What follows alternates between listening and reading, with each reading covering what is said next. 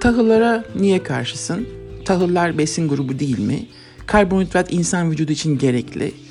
Bizler bu şekilde büyüdük. Bu advice'larla, bu telkinlerle büyütüldük. Beynimiz yıkandı. İnsan türü 10 bin yıl önce tarıma geçtiği zaman, tahılları keşfettiği zaman, büyük ihtimal avcılıktan yorulduğu zaman e, hayatları değişti, sağlıkları değişti, beyin ve vücut yapıları değişti ve bugünkü bizim geldiğimiz korkunç kültüre kadar e, devam etti bu evrim.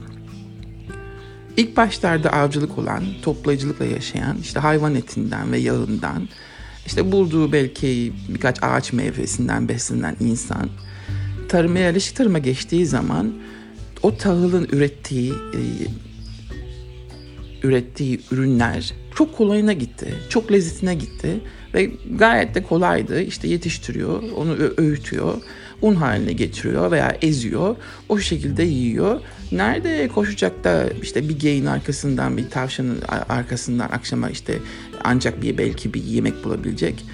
Ve bu tahıl insan hayatına girdikten sonra bırakın doğayı yok etmesini, e, bütün ormanları falan yok etmesine o, o kısma girmiyorum. İnsan vücudunda çok farklı sağlıksız evrimleşmeye yol açtı.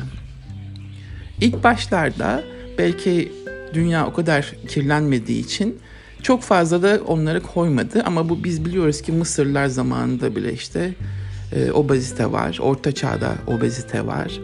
Biz eski kaynaklardan görüyoruz insanlar o zaman da diyetler yapmaya çalışıyorlar tahıl tüketimi ve bu tembelleşme, bu rahatlama insanlara büyük şekilde sağlıksız ve hastalık olarak geri döndü.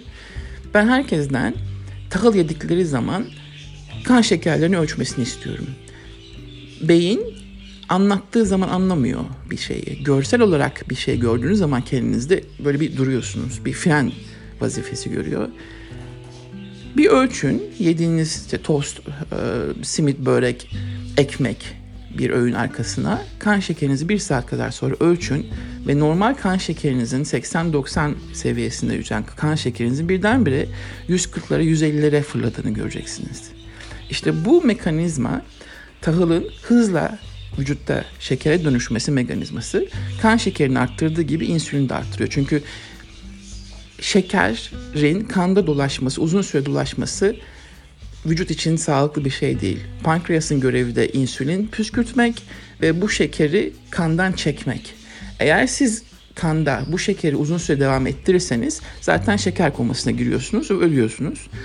İnsülin de yeterli değilse e, yine ölüyorsunuz. Aynı tip birlerde olduğu gibi nasıl insülin e, üretimi duruyor ve hastalar hayatını devam ettiremiyor. Bu yüzden insülin keşfedildi zaten tıpta. Hastaları yaşatmak için hayvanlardan aldılar ve enjekte etmeye başladı insanlara. Bu da bir ayrı bir konu, daha sonra girerim. Kan şekerinin devamlı yüksek olması, insülinin devamlı yüksek olması belki sizi bu yılınızda değil, gelecek yılınızda değil ama bu şekilde devam ettiğiniz sürece günler, aylar ve yıllar biriktiği sürece bir noktaya geleceksiniz ki artık 35 yaşından sonra vücut birdenbire çökecek ve bütün hastalıklar sıraya girecek. Buna kalpten başlayın, diyabetten çıkın, kanserden çıkın, Alzheimer bugün zaten diyabet 3 diye geçiyor. Bütün sebep bu tahılları hayatınıza ve günlük yediklerinize çok fazla kattığınız nişastalı sebzeleri, patates gibi sebzeleri çok fazla aldığınız, üstelik üstelik son 50 yıldır pompalanan kahvaltısız e, yaşanmaz. Mutlaka işte en iyi kahvaltı edin. 3 öğün yiyin. 3 artı e, da atıştırmalar yapın. Kan şekerinizi aynı seviyede tutun gibi e, desteksiz tavsiyeler çok yanlış tıpta verilen öneriler bugün bizi getirdi ki ortaya ketojenik diyetle çıkan bu akımın 50 yıl öncesi başlaması gerekirken biz hala bu 2019'da konuşuyor olmamız gerçekten utanç verici. Özellikle ketojenik diyette bu şekilde teşekkür etmeniz gerekiyor ki bütün dünyanın gözlerini tahıllara ve şekerlerin ne kadar çok tüketildiğine dair gözünü açtı.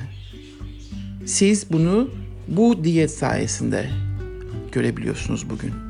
Olmasaydı hala uzman denen sözde uzmanların televizyonlara çıkıp kan şekerinizi düzgün tutun. 3 öğün 3 artı öğün yediklerini demeye devam edecektiniz. Tahıllar işte sağlıklıdır yok liftir içinde vitamin ha, bu şekilde devam yemeye devam edecektiniz. Bu şekilde ilaç endüstrisi tonlarca milyonlarca diyabet hastası olmaya devam edecekti. Ve devamında kanserler falan ve Alzheimer bugün görüyoruz. Ketojenik diyete bu, bu yüzden sadece bu yüzden dünyanın gözünü açtığı için bile teşekkür etmek zorundayız.